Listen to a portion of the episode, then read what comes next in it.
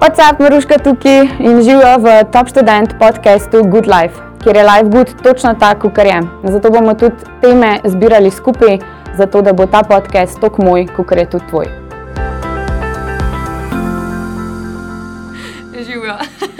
Malo me je zaštekala špica, zdaj le v glavnem. Uh, Živijo ura je 8, Maruška tukaj, končno smo spet na Top Student Live. Um, in jaz sem full vesela, da smo danes zaštartali z torkom in z tem mestom dobrega počutja, če ste kaj spremljali.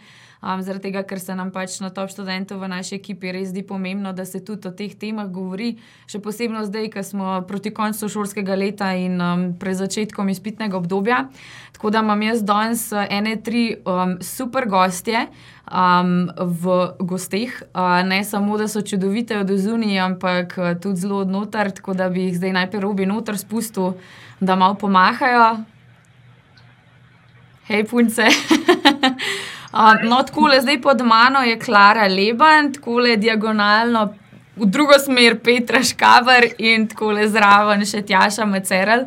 Um, kot sem rekla, pač, in kot ste od mene navajeni, da jaz vedno povem, da verjetno znajo same sebe najbolj predstaviti, um, bi kar šla tako lepo po krogu, pa ne ena par stavkov pove o sebi, um, kaj počne in kdo je. Tako da, Klara, lahko kar ti začneš. Oh, okay. Ti prepuščam besedo. Ja, živijo en lep pozdrav, sem skupaj, vsi, ki nas zdaj spremljate. Um, moje ime je Klara, kar je Maruška že povedala, stara sem 25 let in bi rekla, da nosim kar enih, kako se reče temu. Ne, um, pač različnih stvari. No, tako veliko stvari počnem, ne bi rekla, da sem samo recimo, vem, podjetnica in tako naprej. Vodim tudi podcast po imenu Embed Podcast, imam svojo spletno trgovino Embed.si, ki se osredotoča na nekako, da z vsakim izdelkom uh, dvignem kvaliteto življenja tistega, vsaj to je moja želja, ne, da vsak izdelek v bistvu dvigne kvaliteto uh, vsak dan na moje stranke. Uh, in pa tudi uh, v bistvu vodim ta blog po imenu Embed with Clara pa še marsikaj bilo naštela. No. Drugače pa rada um, se gibam, rada poskrbim zase na ta način in uh, se posvečam v bistvu predvsem nekak. Um, temu odnosu, telovadba, prehrana um, in pač naše telo. Ok, super, Tjaša. Ok, jaz bi tudi najprej vse lepo pozdravila. Uh, tako, no, jaz sem v bistvu. Um, bi na kratko povedala, da se ukvarjam z energijskimi metodami za izboljšanje kvalitete življenja. Mene zelo zanima človek, predvsem od znotraj, naša duša, kako živeti kvalitetno življenje, kako živeti srečno življenje. In uh, to sem začela sama raziskovati pri sebi, pridobila na tem področju neko znanje, ki ga zdaj tudi prenašam na druge ljudi. Um, v bistvu jaz verjamem, da za kvaliteto življenja, za dobro kvaliteto življenja je zelo po, pomembna kvaliteta naše energije.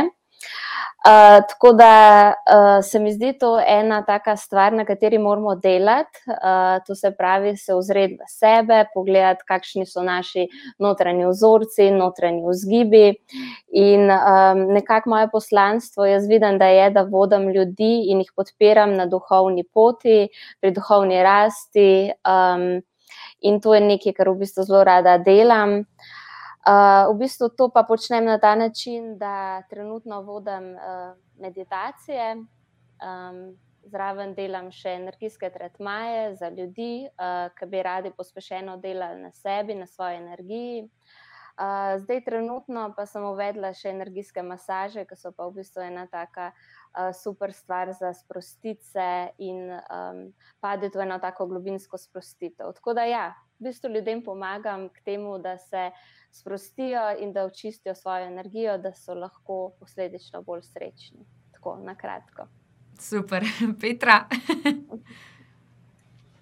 Um, en prisrčen pozdrav še iz moje strani. Uh, hvala obema gostjama pred mano, da ste se tako lepo predstavili. Hvala, Maroška, zaradi tega, da sem lahko tukaj z vami, da podelim par besed. Um, moje ime je Petra Škavar, sem tudi 25-letnica, um, diplomirana psihologinja, študentka kognitivno-vedenskega svetovanja oziroma terapije, torej bodoča terapeutka po kognitivno-vedenski terapiji.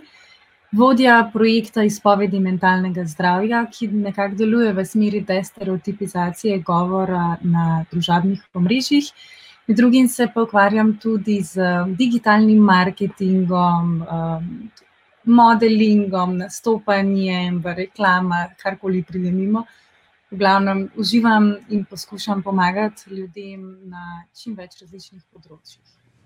No, super, zdaj tako da vsi, ki gledate, vam je verjetno jasno, zakaj um, so one tri današnje gostje in zakaj bomo z njimi zaštartali tale mesec dobrega počutja, ker pač so vse veliko že govorile o tem, kako pač um, želijo pomagati in biti v podporo um, temu notranjemu dobremu počutju. Um, tako da zdaj, Petra, najprej tebi nazaj predajam besedo, da ne bomo šli tako po krogu. Um, jaz bi se najprej rada dotaknila na začetku, če pač smo še kaj v spominu um, teh srednješolskih let, tako, kako si se počutila v tistih letih. Um, Kaj bi rekla, pač, da bi ti takrat lahko pomagali, če bi bilo to že malo bolj razvito in bi se, velik, mislim, bi se govorili toliko o tem, kot se zdaj v zadnjem času? Zanimivo. Sama sem bila v srednji šoli zelo taka ne samozavestna, um, nesprejeta strani družbe. Celo precej bi rekla, ne vem, bulijana strani drugih in sem zelo, zelo veliko sem rabila, veliko časa sem rabila, da sem se začela sprejemati takšna, kot sem, uh, z vsemi plusi in minusi, ki jih premorem. Vem, da mi takrat najbolj ni pomagala družba, torej najbolj je delovala proti meni in si ne znam predstavljati, če bi dejansko živela v današnjem svetu, da bi bila zdaj recimo um, del generacije Z, ki je vsak dan konstantno obkrožena z državnimi omrežji, z nekimi standardi, z nekimi ideali, ki jih prikazujejo vse to. Si ne predstavljam, oziroma si celo ne želim predstavljati, kaj bi to naredilo mojemu duševnemu zdravju.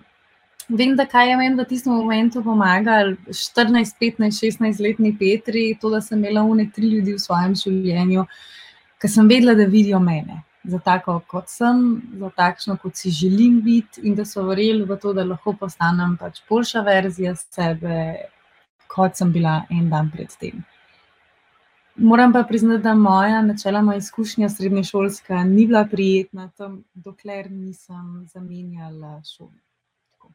Potem se je pa drastično izboljšala in moram pohvaliti to, tudi vse moje profesorje od drugega letnika naprej, ki so mi nudili oporo, um, podporo pri vseh mojih idejah, pri vseh mojih nekakšnih skrbeh, pa so bili tam za me. Ok, Klara. Koliko imamo časa? Mislim, glede na to, da smo itak zdaj še ob sedmih se zaprejo lokali, noben ni šel uh, uh, ven, poslušajo nas, tako da povej. No, kje ne začnem.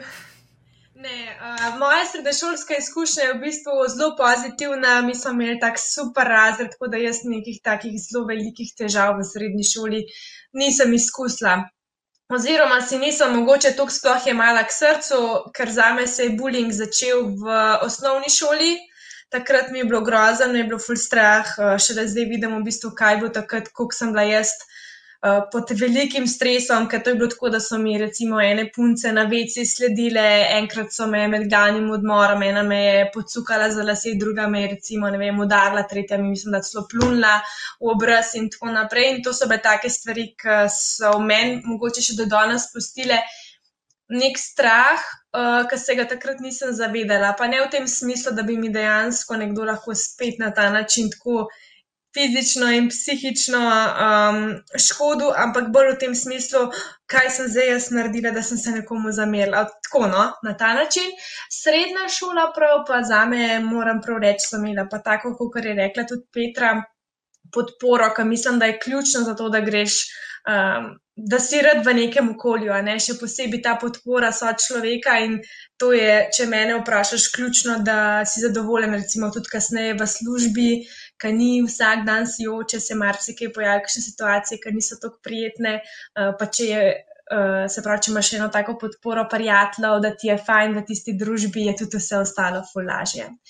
Um, moram pa reči, da je edina stvar, ki je pa bila tako težka odločitev, ne, se pravi ta srednja šola, gimnazija, priprava na faks. Jaz sem bila ena tistih, ki se ji niti približno ni sanjal, kaj naj izbere. Um, in je bila potem pač moja odločitev iz srednje šole na faks, bolj zaradi tega, ker sem mislila, da je to je pač prav, da grem in pač, če že ne vem, kaj ne grem, da ne grem vse neki. Uh, pa bi mogoče naredila drugače, če bi videla, da imam druge opcije, ali pa da ni konc sveta, če ne vem, kaj hočem. Tako, no. tako da ta pritisk je pol pa na meni, če se bomo potem mogoče malo kasneje dotaknili tudi ne študijskega obdobja, pa lahko malo več povem. No. Ampak ta zmedenost se mi zdi, da je eno obdobje, ki je zelo težko, vsaj za me je bilo. Ja, zato sem, sem želela, da bi govorili danes o tem, pa bom zdaj še tjaši prepustila besedo, pa se pa lahko še malo tega dotaknemo. Ja, v bistvu.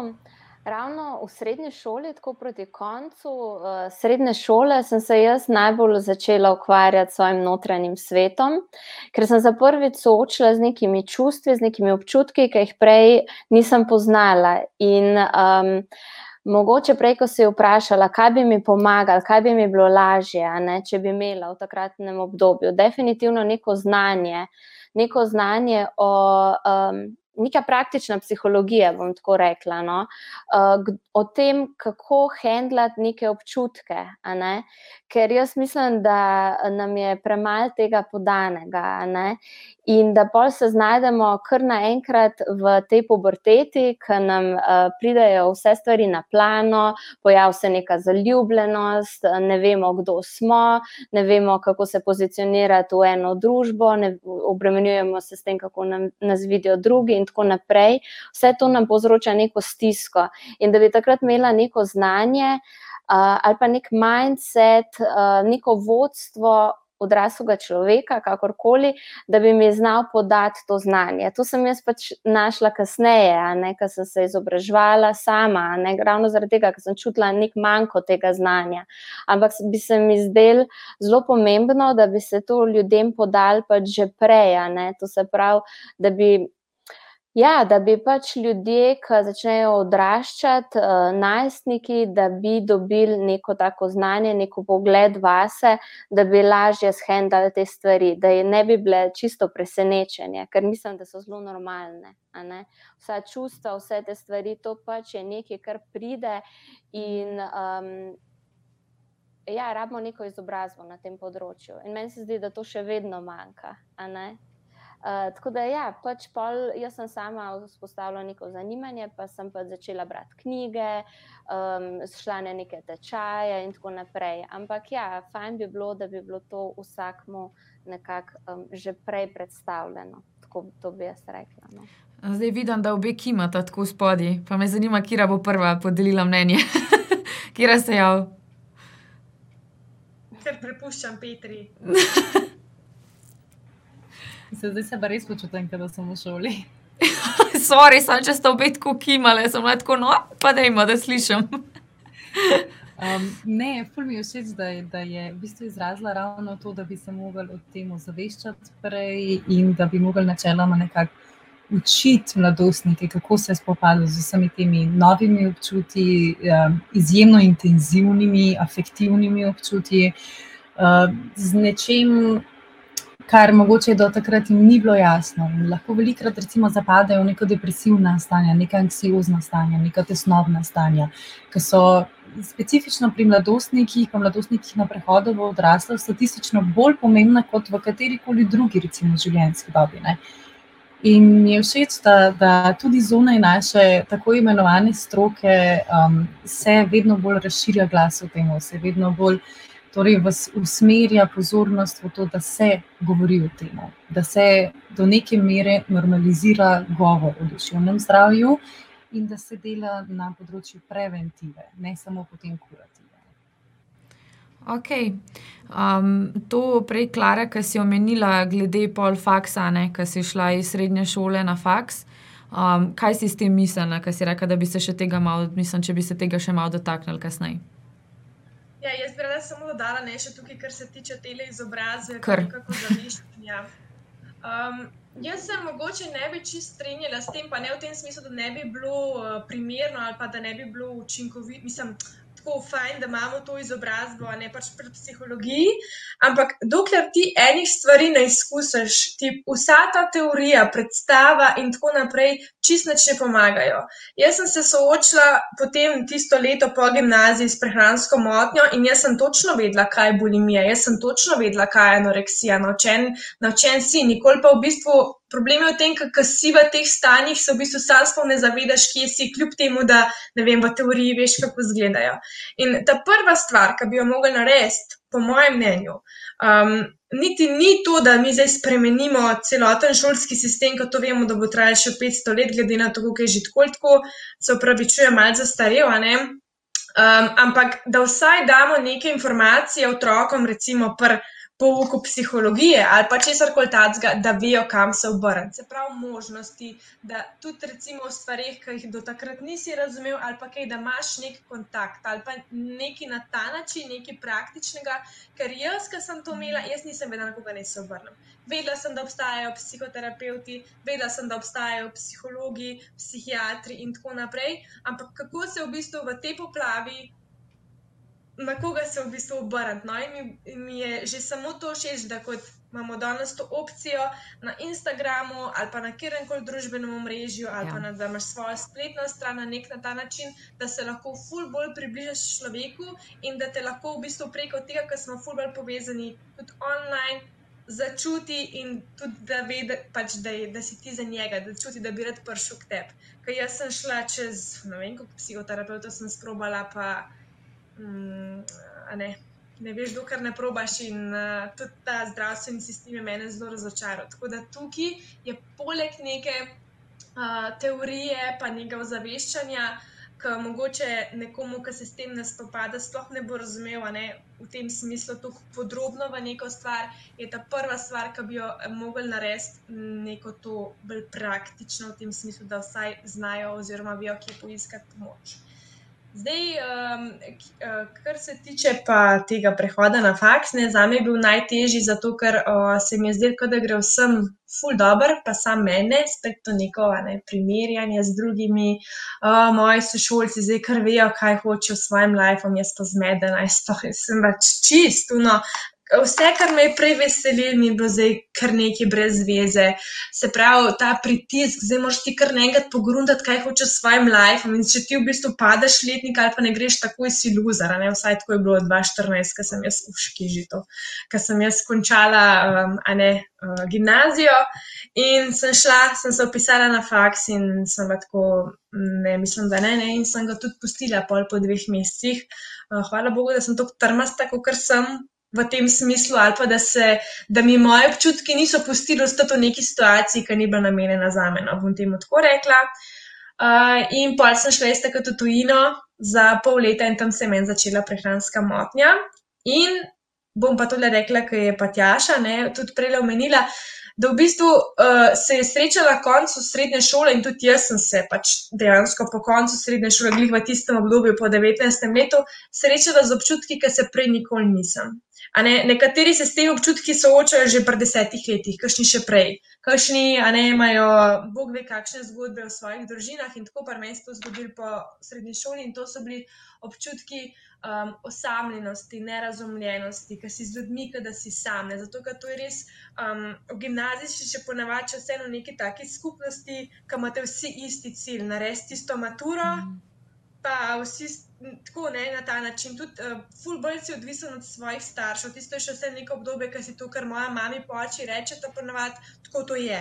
Da si pa ti prepuščen bolj kot ne sebi, da si um, svojo identiteto dejansko stvariš, nekaj pa prej še vse bolj odvisna od tvojih staršev, bi lahko rekla. No? Pa začneš samo upirati, sam po gimnaziji se mi pa zdi, da je to res tisti čas, ki um, ki je priložnost, da se izoblikuješ v tisto osebo, ki si želiš biti, ne? se pravi, zbereš svojo kariero, finančna svoboda nastopa, pač take stvari, ki so bile za me. Ful velik pritisk. No. Tako da tle uh, sem hotel na to povedati, da bi pa ni bila srednja šola tako težko obdobje, ampak bolj ta faks in nasploh izbira faksa in dvakrat pustiti faks in obupati nad faksom in se upisati na novo, ker ker sem že mislila, da ne bom. Ne. Da, vsak ima neko svojo zgodbo in mislim, da če trenutno ne veš, kaj, kaj bi rad, da to še ne pomeni, da da ti je spodletela, pa da je konc. Ne. Čakam, to, kar smo se prej pogovarjali, kako se bomo dopolnjevali, ampak zdaj so vse tiho in mene čakajo, da povem, izvolite, Jaša. Ja. Ja,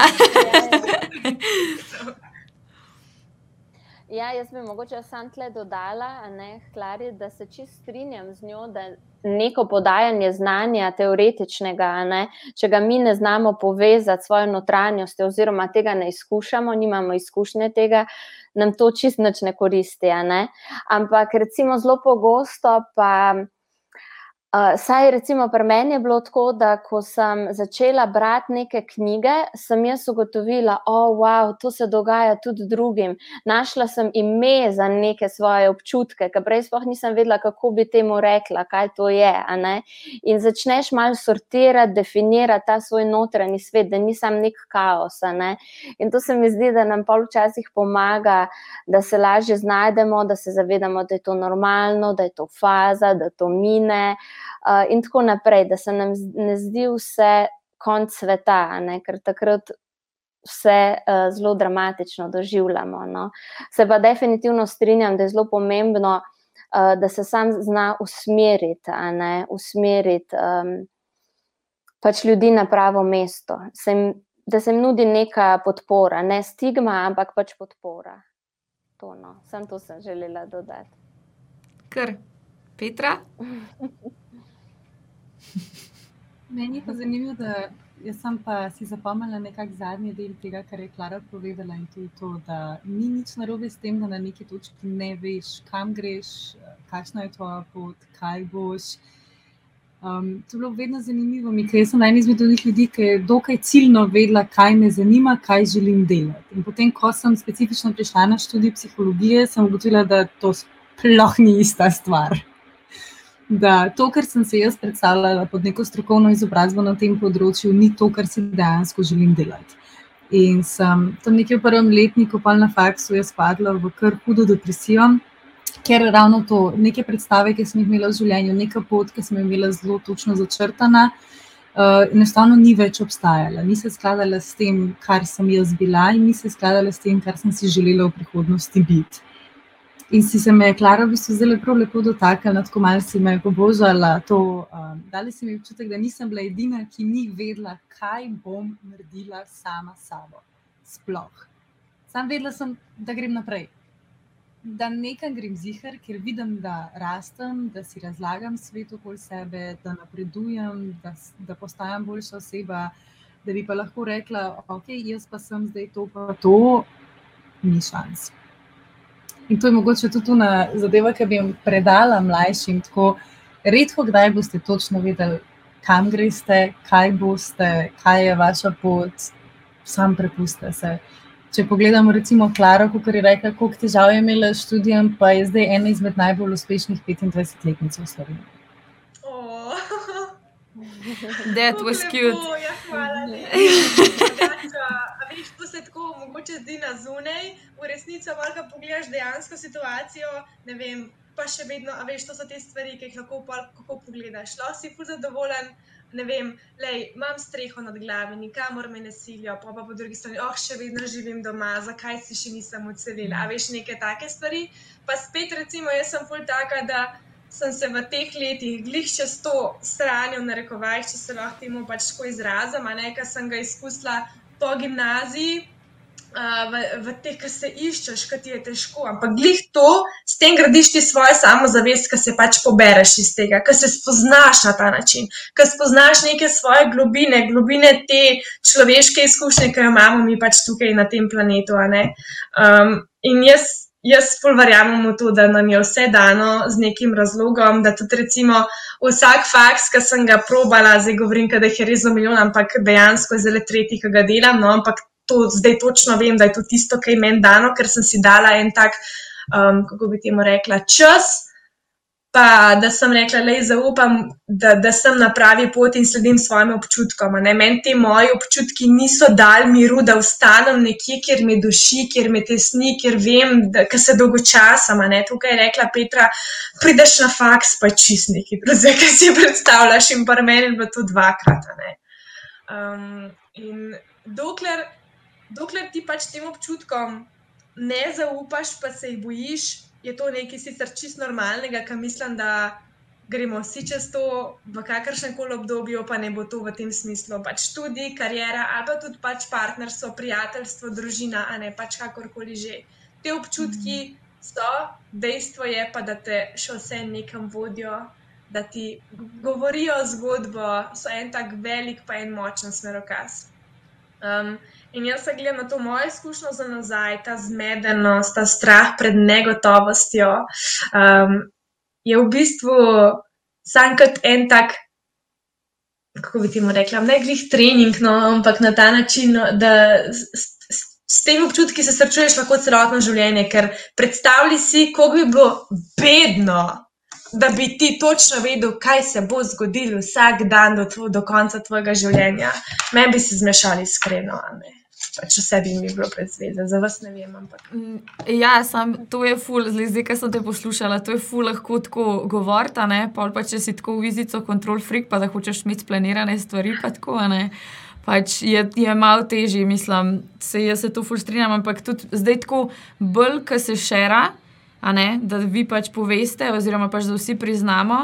Um, več jih bo tudi na tak način, način šeral naprej. In pač se bo lahko, se bo lažje ne najdel, jaz zdaj, zdaj sem še spremenila mnenje glede tega, pač ne da se iščemo, ampak da, da se oblikujemo.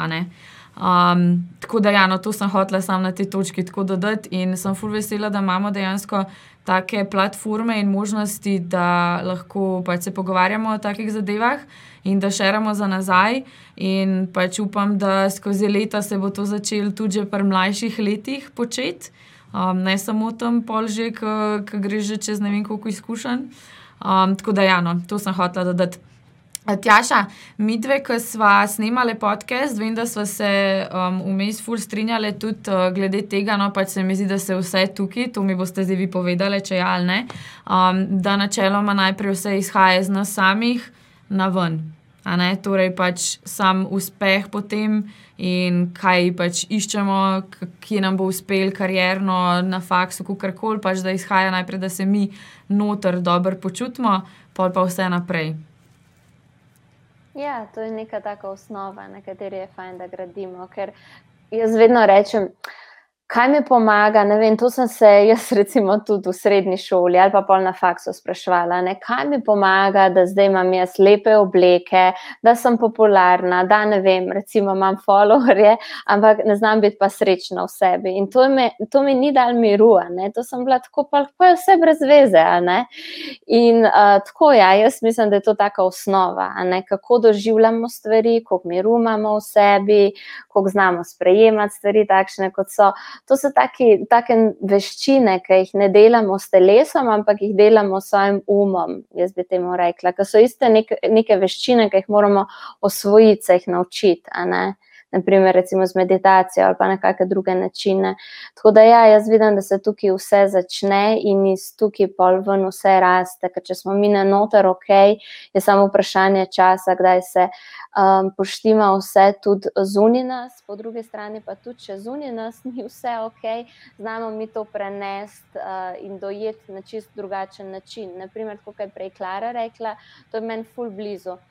Da te težke stvari, ki so se zgodile, naprimer v najsnižkem obdobju, in jaz isto vidim to, kar se je meni zgodilo takrat, uh, to jaz vidim kot neko najlepšo odskočno desko, zato ker sem spoznala sebe, šla v neke globine, uh, bolj uh, razumela tudi druge ljudi, postala veliko bolj ponižna.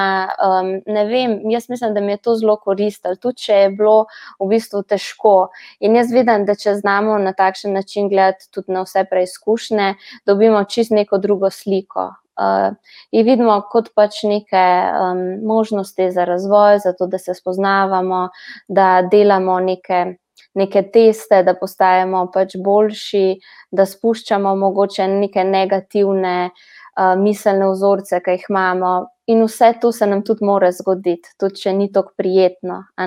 Vse te depresije, vse te neke stiske, ki jih imamo, vse to ima nek namen in ni za brez veze. In včasih jih na tem, na teh slabih stvarih um, zraste neki ful lepka. No. Jaz mislim, da je to ful pomembno, da takrat, ko se nam zdi, da je to ful grozno, ful težko, da je to za brezveze, zakaj se to sam nam dogaja, moramo vedeti, da pač ima to na meni, da bo še vse ok.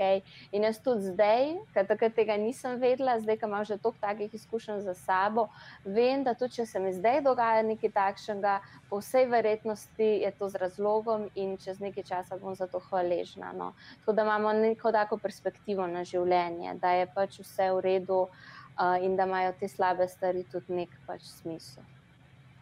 Petra, bi glede na to, da si pač prav iz stroke, um, bi se strinjala s tem, kar sem tudi jaz prepovedala, pa zdaj tjaša vse. Mislim, še vedno si ta en strokovni del mene želi, da se ne bi rabili otroci in mladostniki s tem soočati, da bi lahko nekako zbrisala vse te tegobe življenja. Da bi lahko odstranila vse suicidalne misli vsakega mladostnika, da, bi, da, to, da sploh ne bi prišlo do tega. Če tudi se pa res strinjam, da se prvo vse zgodi z nekim namenom in da je vsaka situacija učna situacija. Vedno, če ne bi doživeli vseh teh stvari, tudi če jaz ne bi doživela recimo depresijo v prvem letniku eh, fakultete, verjetno tudi ne bi bila tak človek, kot sem danes.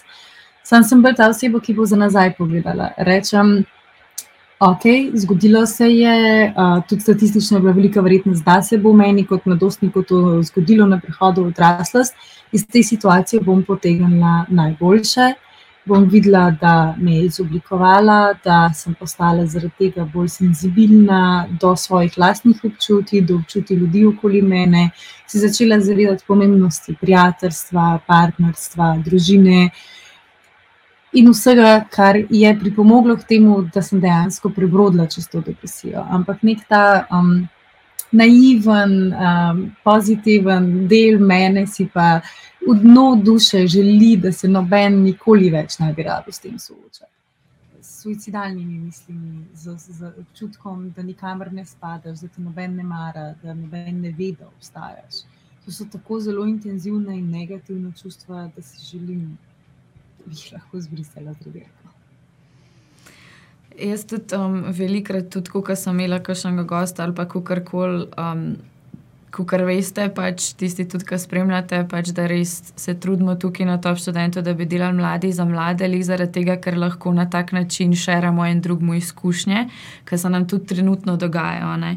In um, pač sem full vesela, ker tudi kdo tako, kot imam zdaj v stri, pač boste lahko pošerali, kako ste zdaj, kako ste zdaj v zadnjem tednu, kakšne občutke imate. A še vedno prihaja do kakšnih tesnob, do pač ne, ne slabih pač občutkov, ali imate občutek, da ste pač že dosegli to, da pač ste vse mirne, da ste kul. Cool. Klara. Meni se je nekaj stvari v zadnjem tednu zgodil, ampak moram reči, da, oziroma ne samo v zadnjem tedu, tednu. Odkar, odkar imam tudi to svoje podjetje, pa sem si rekla, da grem na svojo pot, pa ni bilo lahko, ne tudi mene je bilo takrat strah in tudi zdaj v bistvu na tedenski bazi sprejemam odločitve, ki me strašijo. Blik danes se moram pohvaliti, da sem plačala varščino za mojo prvo pisarno, tako da se jim več uh, bo dobil svoj dom. Um, ampak, a ne tudi to ni karuno samoumevno. Mene je tudi strah. Se jaz ne vem, kaj bo čez eno leto. Ne? Jaz ne vem, um, kaj, kaj, kaj bo jutr. To je dobro, jutr predvidevam, da ne bo čudga, ampak nikoli ne veš, ne tako v tem smislu. Um, treba. In v bistvu treba je biti pogumen. Če ne probaš, ne boš vedel. Poglej, kje ljudje so recimo v tvojih očeh uspešni, pa poglej, kaj so naredili, da so prišli do tam. Tako si jaz pomagam. In ko vidim, da je nekomu drugemu ne, uh, uspel, pa vidim jaz neke podobnosti med nami, s to interesi, aj to ne vem, da je ta tudi iz mehke države, da ta tudi to, pa to počne, pa imam jaz ono, oh, jaz tudi lahko. A ne, kaj vidiš, kako je nekdo naredil, pa danes smo dobesedno tako v nos talking device ne, Instagram, da lahko pregledaš, kaj je bilo tri leta nazaj, pa kako se je vse skupaj razvijalo. Um, ti, ti res lahko v bistvu raziščeš neko to svoj miselni proces, da si pokažeš, da za me je tudi to možno. Um, in mene je še danes isto strah kot un dan. Uh, ker sem začela recimo s svojim podjetjem. Pač neznano je, ne? je pa bilo to nekaj, kar sem si jaz zelo želela. Ker mogoče, če bi šla racionalno to vse skupaj, sploh ne bi začela tega. Jaz sem tak človek, ki ne spet smo si različni, tukaj si rekla Maruška, da če si ti pač na nekak kontrol freak, pa v tem smislu, da hočeš imeti vse uno, ja, se tudi ne bi bilo lažje videti, ja, ratal ti bo. Ampak jaz imam občutek, da mi bo ratal. Jaz vem, da ne glede na vse, ker sem šla recimo čez tisto, da sem bila čist brez narja, brez tega, da. Eh, sem vedela, kva bom sploh s svojim lifeom delala, kam me bo pelal, pa kako jaz tega še zdaj, ker ne vem. Mene bo tako, ker vsem je jasno, jaz sem stara, pa ne vem, 22 let, pa se mi ne sanja, kaj neki ne jaz počnem. Zdaj sem pa že toliko stara, bi pa ja mogla videti, ne pa na faks, pa oni so že diplomirali, jaz sem pa jih postila faks, ne. Pa take stvari, pa bila zaposlena, pa bila odpuščena, pa ne, tako, pa na koncu mes, da še s fantom na razen, pa se ti svet podrene. Pa tako, ki gradiš neki, pa si pol razočaran, imaš ti neko prihodnost v svoji glavi pred sabo, pa je kar naenkrat ni več. Ne? In takrat lahko ti zapadaš v um, neko, kako bi temu rekla. Zdaj, depresija, mislim, da je beseda kaj premočna, vsaj za, za moj primer, in bi bilo malo neodgovorno od mene to uporabiti, ampak um, Jaz sem imela ful težave s tesnobo in tudi tesnoba je bila v bistvu vodila za mojo prehransko motnjo, ker to je bilo nekako hrana, bil edini način, ki je to v meni um, utišal, umiril, pa še marsikaj drugega, tako ne, kar se tega tiče, ne bi zdaj preveč v to zašla, ker drugače imamo tri ure tukaj. Um, ampak tako, no, hotela sem reči, da glih. Te, ta, ta mišica se krepi, ta samozavest se krepi in v meni se tudi krepi. Jaz ne vem, kaj bo, vem pa, da hočem to narediti. In skozi ta čas sem se naučila zaupati svojim občutkom, ker so bili ti edini, ki so mi prinesli to, kar sem jaz želela čutiti. In ponavadi, recimo, tukaj gremo mi proti nekim svojim ciljem, pa to jaz sem že tokrat rekla, da sem res ena zlajna plošča. Če greš ti do svojega cilja z muko, s trpljenjem in v upanju, da bom pa to, takrat bo pa, takrat bo pa moj life drugačen in boš hitro razočaran. Ne? Lahko ti ta cilj prenese, ne vem, tistih par trenutkov sreče in zadovoljstva, ki je brkati ne navidezno, če ti nisi zved sam v sebi, če ti ne delaš tizga, ne vem, če ti ne znaš v svoj vsak dan že ponesti. Enih takih mehkih trenutkov, ko so samo tvoji in skozi katere se ti vsak dan oklopiš vase in vidiš, kaj je tisto, kar tebe veseli. Ker ta pot do cilja je neprimerljivo dolga s ciljem samim, ne? to je tisto vrhunec, In v resnici pa večino življenja tako čisto navaden delovni dan. Ne? Kakšen bo? A je to res, recimo, da hočeš 8, pa zdaj verjetno tudi več kot 8 ur delovnik preživeti v, uh, v službi, kjer te šef, ne vem, nadira vsak dan a je to, a ne, take stvari so, ki mislimo, da se bom potrpel, vse pa, ker sem doma. Pa si pa doma, si tečen, nezadovoljen, uh, si na koncu sramen do svojega fanta, partnerja, punce, kakorkoli že, ne v kakršnem koli smislu. In to so stvari, ki ful vplivajo na naše življenje, kje pa kako mi preživimo naš vsak dan, ne samo tisti cilji, ki jih imamo. Tako da rekla bi, da um, za me je ključ do uspeha, mojega uspeha, je to, da um, se vsak dan na nek način vklopim vase, to je med gibanjem, za me ponavadi se tudi usedem, pa sem par trenutkov sama s sabo, lahko temu rečemo, recimo meditacija, ampak meni je to še zdaj kar tako malo taka. Abstraktna beseda, kako ne rečem. No, tako si predstavljam, da to meniha, ki meditira. Ne, meni se pune zdi, jaz sem pol taka divja skozi cel dan ne? in se mi ne zdi, da je to meditacija, ampak si pa vzamem ta čas zase. Ker kako boš vedel, kaj hočeš, če delaš cele dneve samo za pričakovanje nekoga drugega. Če si tudi upaš, ne, ali pa se ti zdi brez veze, ta zadnja prioriteta, da boš ti zelo, ne vem, v vsem tem, kar imaš ti splaniran, oziroma ima nekdo splaniran za te, najdu pa čas, da se boš pa ti za pet minut usedel in malo pogovoril s samim sabo. Uh, in tudi mislim, da je um, ključno tudi pri tem povedati, ne, da, da pri pr tem delu na sebi ni instantnega rezultata, ko greš ti frizerju, ne. Isto recimo s psihoterapijo. Koliko ljudi dejansko ustraja, da gre, pa da je tam mesece in mesece in mesece. Zato, ker daj denar, pa ne pride iz tistega sestanka z novo frizuro ali pa z novimi nohti. To je en tak instantni rezultat. In kam vlagamo svoj čas, sebi pač poslušalce v tem smislu spodbudila, kam vlagaš svoj čas, pa kam vlagaš svoj denar, so tvoje prioritete. In a so te tvoje prioritete skladne s tem, kar si ti želiš za svoje življenje. In tako se jaz ravnam vsak dan, sem se pretiravala, vsak dan, vse sem tudi jaz zdaj, če smem, ampak tako ne, se želim ravnati po nekih takih načelih, pa mišljenju, zato ker vem, da um, če, ne, če jaz ne bom poskrbela zase, če jaz ne bom vedela, kaj so moji cilji, uh, če se jaz ne bom znala uh, sebe narediti zadovoljno, je to čist nerealistično, da me bo recimo pa zadovoljil partner ali pa vem, stranka in take stvari. Tako da da se pomaga ja. s vprašanjem. Ne, ne. Tu, hvala, Klara, za ta izčrpen odgovor. Samo, um, zdaj le sem, mi smo dali na top študenta na Instagram. Ne, res hvala, full dobro. um, dali smo na Instagram na top študenta, pač da napišejo vprašanja. Pa je dejansko se mi zdelo na tem um, tukaj pač smiselno, da bi to vprašanje postavila uh, Tjaši, ker je pač pisal, da je za Tjašo. Uh, dejansko pač, katera je največja težava, s katero si se soočala pri doseganju svojega notranjega miru.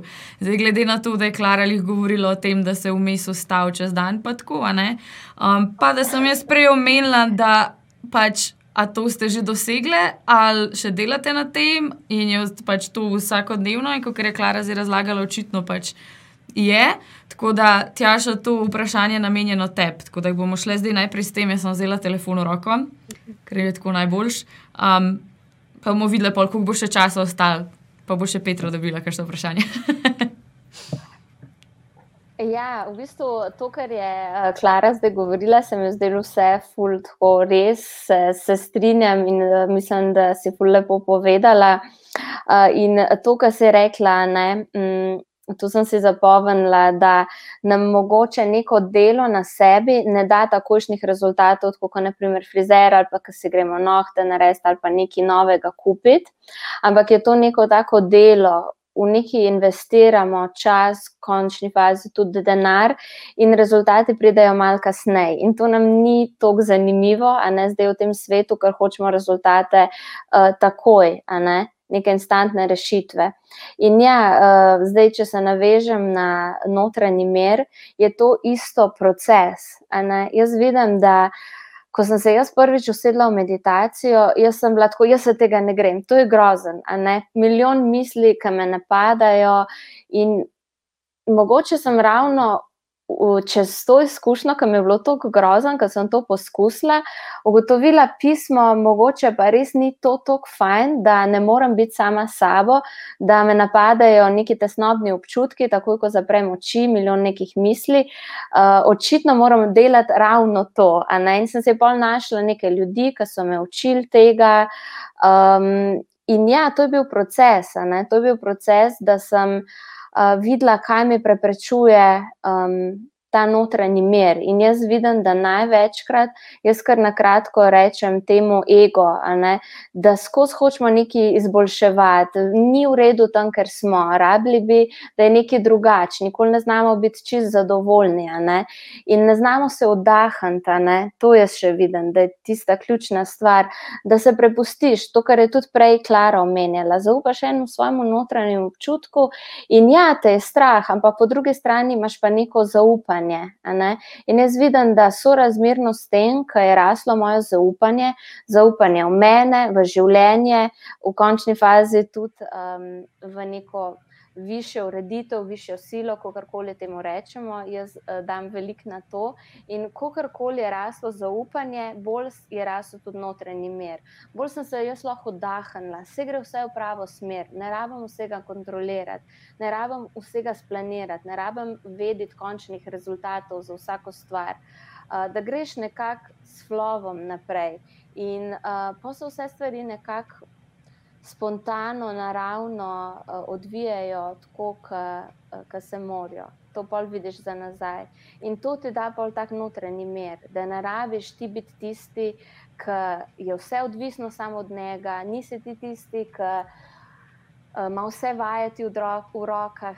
V tem smislu, Recimo, to je meni ful pomagalo, da sem pridobila notranji mir, da se malo dahneš, da te življenje ali pa vesolje čuva, da bo vse v redu. In ko res to začutiš v sebi, um, dobiš ta notranji mir. In to je pač pri meni prišlo s časom. Jaz sem full časa, v bistvu zelo intenzivno na tem delala. Um, Ti, a še oprosti, da te prekinjam, koliko časa, ja. povej v letih, zaradi tega, da ima okay. kdo občutek dejansko konkretno. Ja, to je raslo, prvi, prvi neki uh, premiki. Tako da sem jaz res opazila, da sedim na eni klopci, um, da nič posebnega ni okrog mene, ampak jaz sem srečna, zadovoljna in mirna. Mogoče po pol leta, enemu letu, ko sem se udeležvala razno raznih delavnic. Um, terapij, tečajev um, z mojo mojstrico, raznih energijskih masaž, ni da ni. Jaz sem pač takrat se res temu posvetila, glih v imenu tega, kar sem prej govorila, kaj mi pomaga, da imam vse nek, neke materialne vrednote. Pa jaz ne rečem, da to ni pomembno. Jaz niti slučajno ne nagiram materialnega sveta. Ampak v smislu, jaz sem si rekla, da je bolj pomembno, da sebe poštivamo do znotraj, pa pa grem bildati te zunanje stvari tako sem jaz začutila. In sem pač v zelo zgodaj, v tem času, ko so moji vrstniki, ne vem, žurali in tako naprej potovali, sem jaz vse svoje prihranke, vse svoje stvari pač v. Um, Uložila v ta duhovni razvoj, v to, da jaz pridobim notranji mir. In to se mi danes obrestuje, naprimer. mi ni žal, ampak je bil pa proces.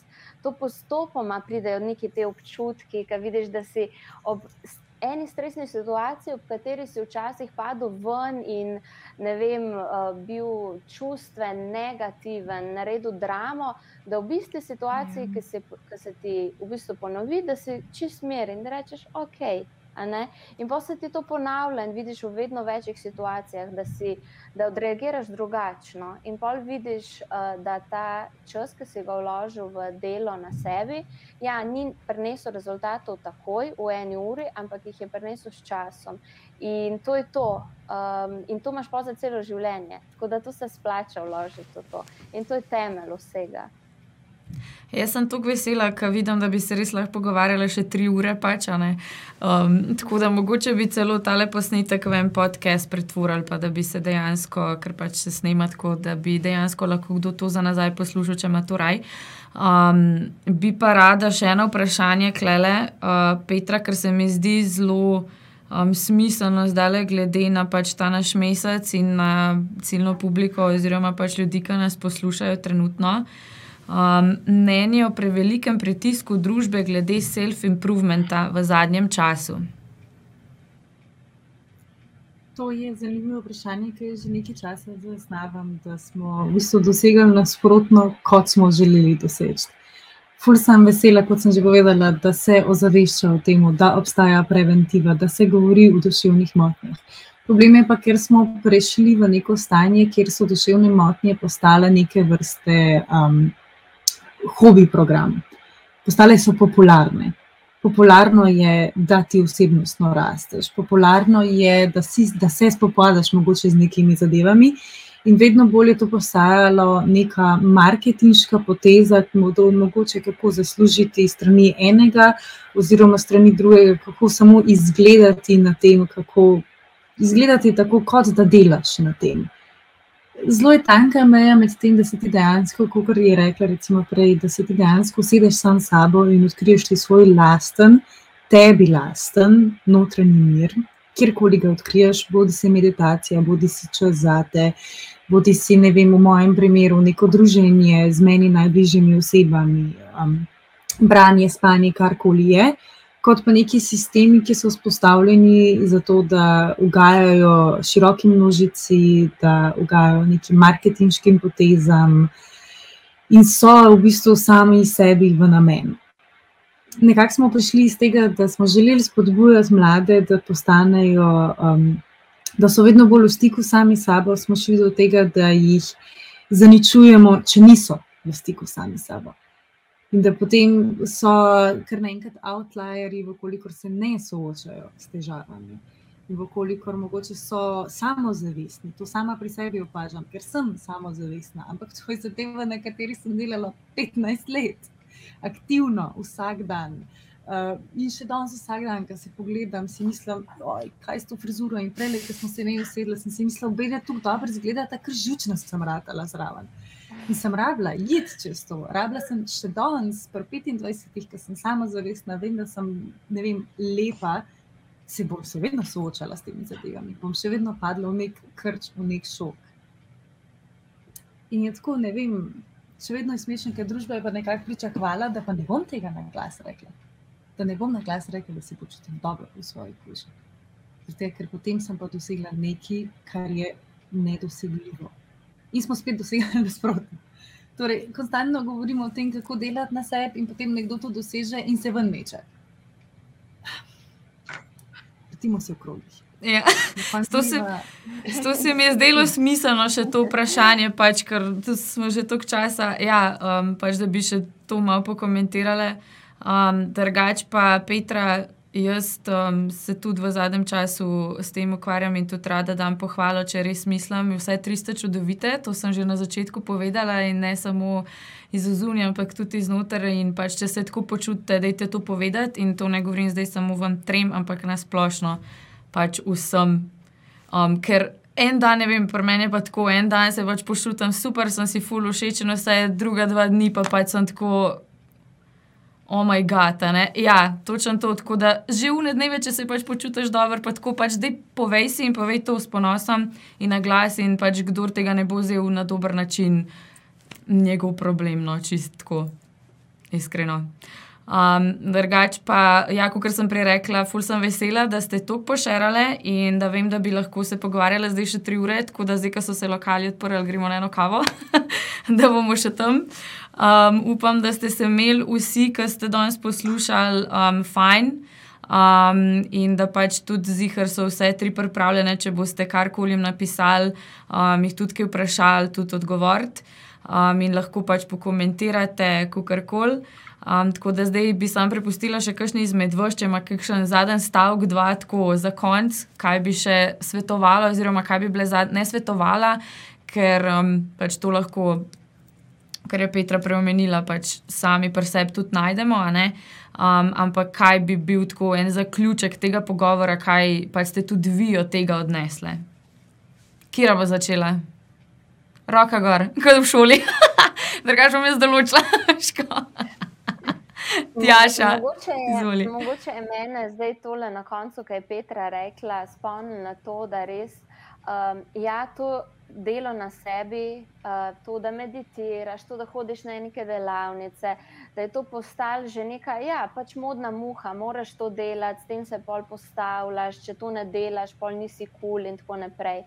Ampak v končni fazi me, me to tudi nekako iritira, ker tega zelo veliko vidim okrog sebe in si mislim, ok, ja, to je mogoče nek trend, ampak po drugi strani, karkoli delamo na sebi, moramo delati primarno zaradi sebe in ne zaradi drugih. In moramo pač biti iskreni do sebe, kaj želimo s tem sebi prvoščiti, ne vem, ali želimo sebe osvoboditi, da smo res tle v bistvu, da ne delamo noč v, za neka pričakovanja do drugih, za to, kar je nekdo rekel, da jaz bi to mogla delati in zdaj bom šla na neko delavnico, zdaj bom šla meditirati, ampak da smo res pač nekako. Um, Ja, avtentični do sebe, pa da vemo, um, da karkoli naredimo na sebi, je to za nas. Ne delamo s tem usluge drugemu, ampak sam sebi. No. To mogoče bi pač rekla, da se moramo večkrat to spomniti. Uh, drugače pa ja. Mm. Aha, oprosti. uh, sam to, no, na koncu. Uh, sam še, pač glede na to, da je tle veliko mladih, da pač um, jaz, ko sem bila v teh letih, ne, bi si dala za nazaj ta na svet, da se definitivno preveč sekiram, in da pač mogoče se rabim, da se moram sam pač sprostiti malo bolj, da je vse ok, da vse stvari dobijo nek svoj odgovor in da tisto sekiranje, o kaj jaz bom, kako me drugi gledajo, ne vem, kakšen sem. In tako naprej, da je včasih odveč, da se stvari nekako same včasih poštimajo in da pridejo odgovori s časom. Tako da, da se nam ne rabi toliko muditi, da moramo vse pogruntati že tako zgodaj. Evo, izvoli, Klara. Ja, pardon, sem zmotila prej. Uh, Hodila sem sam tudi dopolniti, nekaj si reka, da se ti zdi, pa to nekaj tudi Petra reka, da to je zdaj en tak trend rato, da v bistvu je kot tako um, modern, da delaš na sebi, pa tako ne, ali pa da je zdaj toliko enih profilov ratal, ki delijo za mentalno zdravje, pa za take stvari kar meni, recimo, sploh ne moti in se mi zdi super, da je vedno več tega. Se pa strinjam, recimo, s tem, kar se tiče avtentičnosti. In jaz, recimo, kar se te, pa če se to spomni, sekiram. Jaz mislim, da ljudje začutijo tiste ljudi, ki res živijo to, kar. Delajo, oziroma to, kar kažejo. Če jaz živim to, kar kažem, in tudi verjamem, da Tjaša živi to, kar kaže, in tudi da Petra dela to, kar, pač, kar kaže, da res živi to, kar drugače, verjetno ne bi bilo danes tukaj. Ker ljudje čutijo, če, če, če nisi pristan. Um, kar bi pa rekla, je pa to, da se vprašamo, oziroma kaj en tak na svet, ne na svet, pa tako poziv, da se vprašate, kje so res une. Omejitve, ki so trenutno v vašem življenju, da ga ne morete živeti po svoje, tako da ste vi, da uživate v njemu, ne, da je ta življenje res vaše. Uh, Um, in a so res drugi tisti, ki vam postavljajo toliko omejitev, zato ker velikrat smo mi sami tisti, ki si dajemo toliko tisoč eno omejitev. In da lahko v bistvu samo ena odločitev spremeni naše celotno življenje. Sem enkrat prebrala en rek, ki je sicer malo drugačno, kot bom jaz zdaj povedala, ampak nekako tako, da pa je meni najljubši. Da kdo pravi, da moraš biti ista oseba, kot si bil, ne vem, par mesecev, par tednov ali pa samo pač pet minut nazaj. Ne? Že točno v tem trenutku lahko začneš delati drugače in samo ti si tisti, ki dejansko lahko to naredi. Noben te ne more prisiliti, da delaš na sebi, noben te ne more prisiliti, da začneš živeti svoje strasti in da si držnaš in upaš, da si, podo, pač, da si pogumen. Tako da, um, kaj jaz rečem, sprejeti odgovornost za svojo srečo, mislim s tem, da kar lahko sam spremeniš, spremeni in pa tudi v tem smislu um, oziroma da so zavrnili za to, in pa tudi v tem smislu odgovornost do svoje sreče, do svojega zadovoljstva, da ko ne moreš, sam poiščeš pomoč. No. Tako da na koncu je pa, ko potegneš črto, vse pač na posamezniku. Noben drug ne more biti srečen na mestu tebe, in noben drug ne vidi tega sveta, noter ga imaš ti. To je to. Ok, Petra. Film je všeč, koliko smo si različni in koliko smo si v kakšnih zadevah podobni, drugače, zdaj po zadnjih mislih. um, ne, moja misel se bo v bistvu navezala bolj na to, um, kar je Tjaša vmes rekla, da tukaj sem se isto jaz presekirala, tukaj enega časa sem posvetila temu, da sem postavljala neke načrte, ki so se sproti podirali, seveda in da sem trpela v tem svojem perfekcionizmu. Da vse, kar sem odkrila čez vsa ta leta, je, da se vse zgodi z nekim naslovom. Vse ima nek namen. Vsaka izkušnja bo pripomogla k temu, da boš jutri drugačen, kot si bil danes, kot si bil včeraj.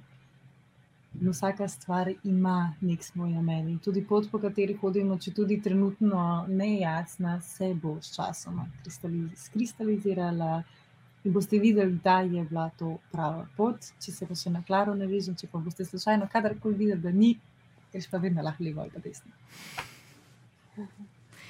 Lepo, super. Um, v glavnem, punce, hvala, da ste bili danes z mano, da ste se, um, da ste tukaj tudi pošerali. Um, tako da jaz, jaz bi vas tako le malo pomahite tukaj um, vsem, ki nas gledajo. Uh, mi se itak še slišmo tako da, lepo bote. Uh, ostali pa zdaj ostanite, sem še 30 sekund z mano na hiter, ker vem, da smo že dolgi, glede na to, kako ste na nas navajeni. Upam, da ste se imeli vse fajn. Um, res sem pač jaz osebno sem zelo vesela, da smo pač danes zaštartali tale mesec dobrega počutja in da se pač o tem govori, tudi če se naša mnenja lahko kdaj križajo in pač um, da nimamo uh, enakih uh, pogledov na stvari. Se mi zdi, da v eni stvari se vedno um, bomo najdeli in to je to, da pač se dobro počutimo v svoji koži, ne samo zunaj, ampak še posebej od znotraj. Um, tako da bodite na tekočem, ker zdaj le v maju prihaja še veliko aktivnosti, še par podcastov, na koncu um, meseca organiziramo tudi en um, eno interaktivno predavanje z Društvom študentov psihologije, katerega se zelo veselimo, um, ker smo tudi veliko časa že v to um, uložili. Tako da, stay tuned, uh, bote na Instagramu, na Facebooku, zaradi tega, da boste takoj obveščeni. In lep večer vam želim vsem, lepo se imejte. Ciao!